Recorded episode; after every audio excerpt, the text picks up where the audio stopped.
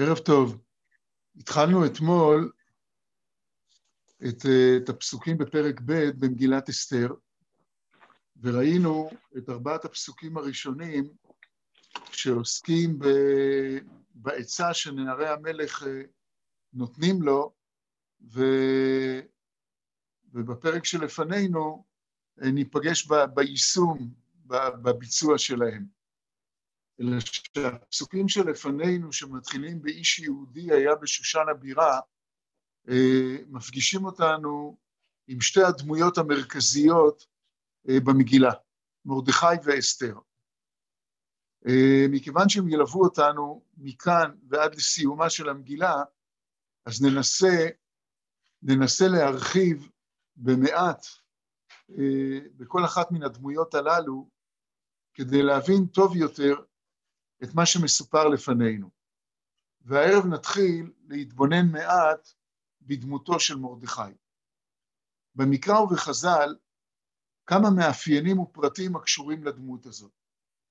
במגילת אסתר מרדכי נזכר 58 פעמים, פעם נוספת הוא נזכר בספר עזרא, פעם נוספת בספר נחמיה.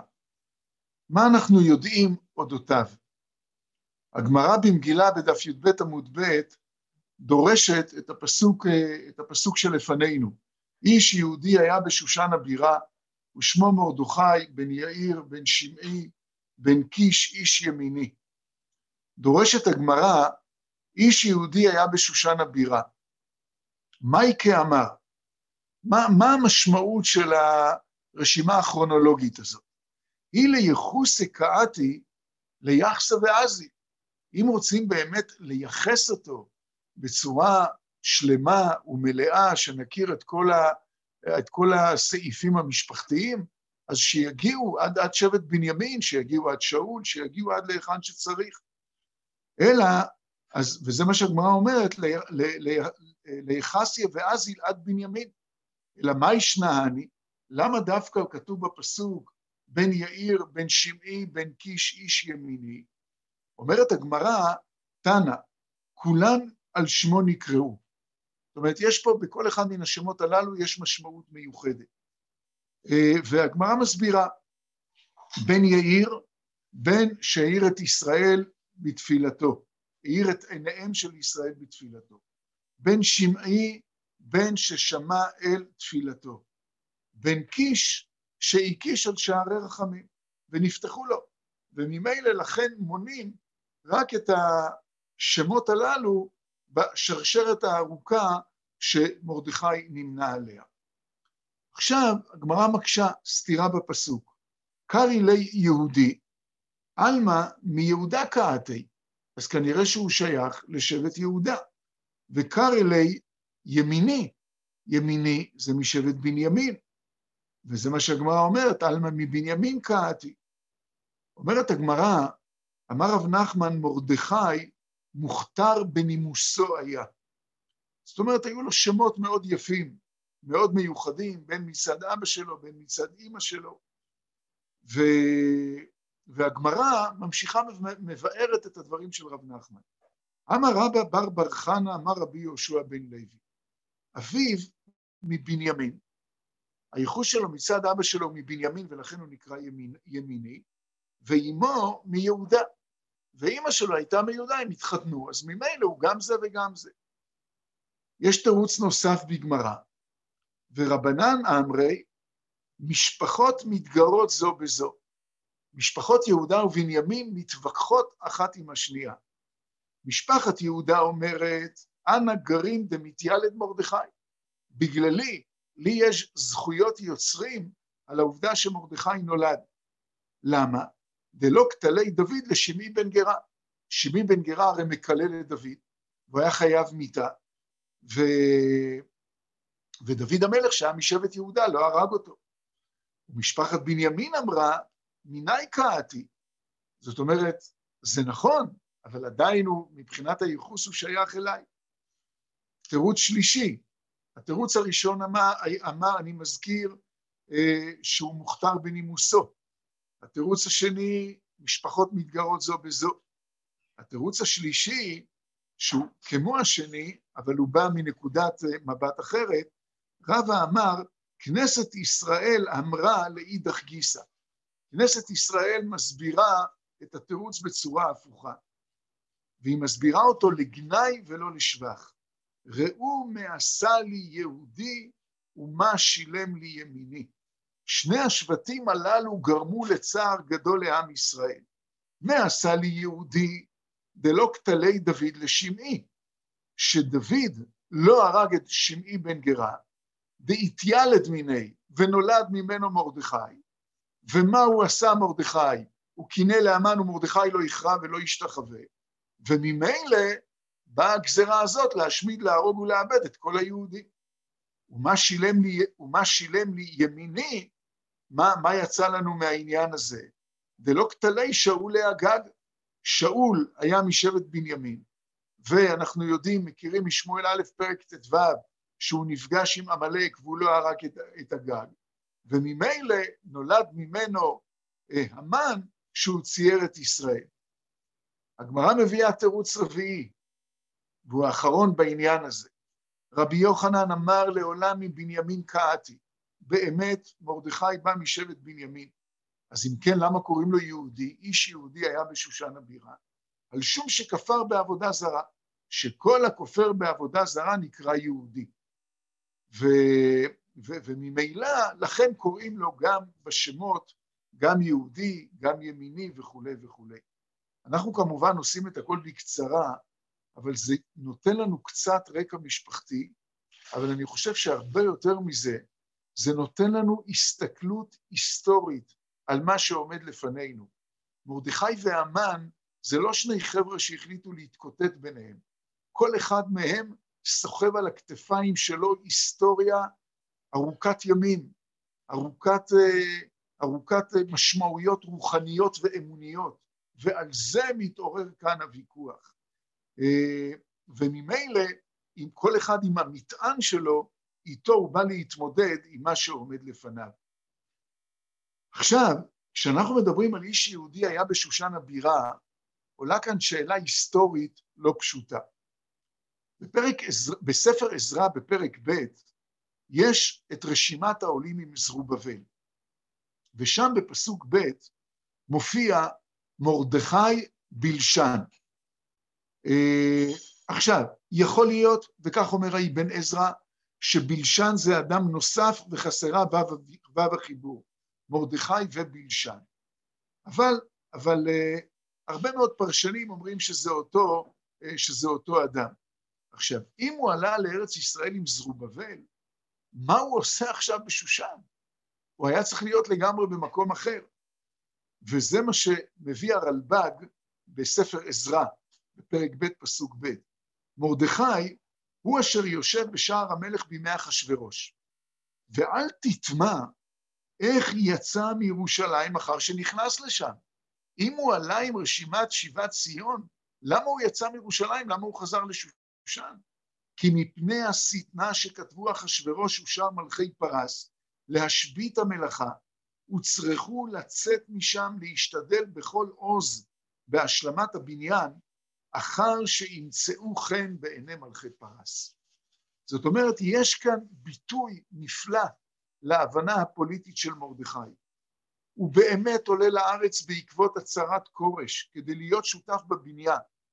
בפועל, הוא רואה שיש הרבה מקטרגים, הוא רואה שיש הרבה שטנים, והוא מבין שההחלטות האמיתיות לא מתקבלות כאן, הן לא מתרחשות בשטח בפועל, אלא בדרגים הפוליטיים. ולכן הוא מקבל החלטה אמיצה לחזור לפרס ולהתחיל לפעול בצדדים הפוליטיים דווקא משם. אפשר כמובן להמשיך להתקוטט בירושלים כנגד המפריעים. אפשר לעשות הפגנה כזאת, מחאה כזאת, עצרת כזאת, אבל ספק, ספק גדול אם זה ייצור את השינוי המיוחד. לפעול בדרגים הגבוהים זה משמעותי ושם זה יכול לעזור. מרדכי מגבש כאן אסטרטגיה מיוחדת, ואכן, כשמרדכי מתהלך, מתהלך לפני חצר בית המלך, האסטרטגיה שלו מוכחת כאמיתית ונכונה.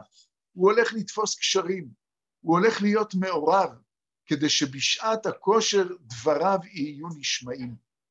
האבן עזרא מגדיל לעשות בהגדרת מרדכי, וכך הוא כותב, וכך הוא כותב אה, בפירושו. יש לאבן עזרא במגילת אסתר אה, שתי נוסחאות לפירוש שלו, כך לפחות במהדורת הכתר של בר אילן, ואני קורא מתוך הנוסחה הראשונה, אה, בפרק ב' בפסוק י', כותב האבן עזרא כך, וידענו כי מרדכי היה מגדולי ישראל, כי הנה הוא שלישי או שישי לשרים העולה ממזרובבל, וכאשר ראה כי לא נבנה הבית, בא אל אילם והיה בשער המלך בארמון, ואי מעלה גדולה. ולולי שהיה מרדכי קודם מעשה אסתר ממשרתי המלך, לא עזבו המשרתים להתהלך לפני חצר בית הנשים. זאת אומרת, הקשרים שמרדכי תובע בתקופה הזאת, הם אלה שמסייעים בידיו אחר כך לתת עצות לאסתר וננהל את כל המערכה מאחורי הקלעים. הוא מגדולי ישראל, הוא פועל בצורה מאוד חכמה, ולעיתים אנחנו לומדים, וכמה זה אקטואלי, שכדי להצליח צריך להיכנס לפוליטיקה. כנראה שזה לא קל למרדכי, אבל הוא מבין ששם אפשר לפעול ולשנות, ובסוף להגיע למטרה. הרמב"ם, בהקדמה ליד החזקה, כאשר הוא מזכיר את אנשי כנסת הגדולה שהם חלק ממעבירי מסורת תורה שבעל פה, הוא כותב בדינו של עזרא, הם הנקראים אנשי כנסת הגדולה, וביניהם הוא מונה גם את מרדכי. בכל המגילה מודגש העניין היהודי של מרדכי, על זה הוא נאבק, את זה הוא מבקש לחזק, לבנות, לשמר את הדברים הבסיסיים ביותר. צריך לעמוד על עצם המהות היהודית. לא מדובר פה על כל מיני אה, דגשים כאלה ואחרים, מדובר פה על אבן היסוד. הוא לא מתמרד על לקיחת אסתר, נדבר על זה בעזרת השם השבוע, בסייעתא דשמיא. הוא, הוא זמן רב מצטנע, הוא שקט, הוא פועל רק כשנראה לו. בדרך כלל, כמו שיהודים מתנהגים בגלות, שהם יודעים מה אפשר לעשות ומה אי אפשר לעשות. אחת השאלות הגדולות, מה הנחה אותו? מה הוביל אותו? כשאנחנו מדברים על הדמות של מרדכי, מה אצל משה רבינו, וידבר השם אל משה לאמור? אז פשוט, אין שאלות, אין קושיות, הכל מובן. יש קשיים, אבל מתמודדים איתם. מה מוביל את מרדכי לפי מה הוא פועל? יש לו השראה, יש לו אות משמיים. בכל זאת, הוא לוקח אחריות על כלל ישראל. זה צריך להעסיק אותנו כשאנחנו לומדים את uh, מגילת אסתר. כותב על כך, שוב, האבן עזרא, הפעם אני קורא מהנוסחה השנייה, uh, בפרק י' פסוק י"א, כי מרדכי לא עשה נכונה שציווה על אסתר שלו תגיד אמה, כי פחד שלא ייקחנה המלך לאישה אם ידע שהיא מהגולה. כך אומר האבן עזרא את דעתו בסייעתא דשמיא, נגיע לשם, נתפלפל בזה, למה אסתר לא הגידה את עמה ואת מולדתה? אחת החידות הגדולות במגילת אסתר. אבל האבן עזרא מביא, ואחרים אמרו, כי בדרך נבואה או בחלום, בדרך נבואה או בחלום. אני מזכיר, מזכיר את רש"י במגילה בדף ז עמוד א', מ"ח נביאים עמדו להם לישראל, ויוודע הדבר למרדכי, אומר שם רש"י, שרתה עליו רוח הקודש. הוא היה אחד ממ"ח נביאים לפי הרשימה הזאת. אבל האבן עזרא אומר, בשם אחרים, כי בדרך נבואה או בחלום, ידע שתבוא תשועה על ידה לישראל. זאת אומרת, יש משהו שמוביל אותו, יש משהו שמוליך אותו. הוא לא עושה את הדברים בצורה סתמית. יש הרבה מאוד אוספים היום של כל מיני מדרשים נידחים ועלומים מאוחרים יותר. אז אחד הקבצים נקרא בית המדרש, שאסף אותו יהודי בשם ילניק לפני כמאה וחמישים שנה. ושם, בחלק החמישי, בעמוד, אה, אה, בעמוד אחד, מתחיל איזה קונטרס שנקרא חלום מרדכי. ושם הוא כותב, מרדכי בחלומו, וכאשר ראה מרדכי זה החלום, קם ממיטתו, זאת אומרת, רוח הקודש, חלום, יש משהו שמוביל את היהודי הזה, הוא לא עושה, אה, הוא לא עושה דברים סתם, ולכן התחושה שלנו שכל הזמן יש איזו גזירת עליון שמובילה את הכל, היא בהחלט, למרות ששמו של הקדוש ברוך הוא לא נזכר במגילה, אבל בוודאי שזה עובד באופן הזה. אה, רב צודק בפוקד הכרים, בעמוד 51, מבאר הרבה מאוד את העניין הזה של רוח הקודש, נבואה, ביחס לאסתר ומרדכי. אני מבקש לסיים את העיון שלנו הערב בדברים שכתב אברהם קריב בספרו המפורסם שבעת עמודי התנ"ך, בעמוד 191. המן הכיר לדעת כי זו המעלה לא היא מעלתו של סתם אדם פלוני ומרדכי שמו, כי היא מעלתו של מרדכי היהודי. רק איש יהודי, בן העם אשר לבדד ישכון, יש בו הכוח להיות יחיד שקומתו זקופה בזמן שהכל קוראים ומשתחווים. כי על כן מתלקחת שנאתו של המן על כל עם מרדכי, שכל שהוא המן מנוסה, לעולם אינו מנוסה עליהם. וימאס בעיניו לשלוח יד במרדכי לבדו. הוא אולי יחסל את מרדכי, אבל הוא לא יחסל את תופעת היהודים. כי הגידו לו, מה יועיל אם יעביר מן העולם מרדכי אחד מתוך עם שלם של מיני מרדכי?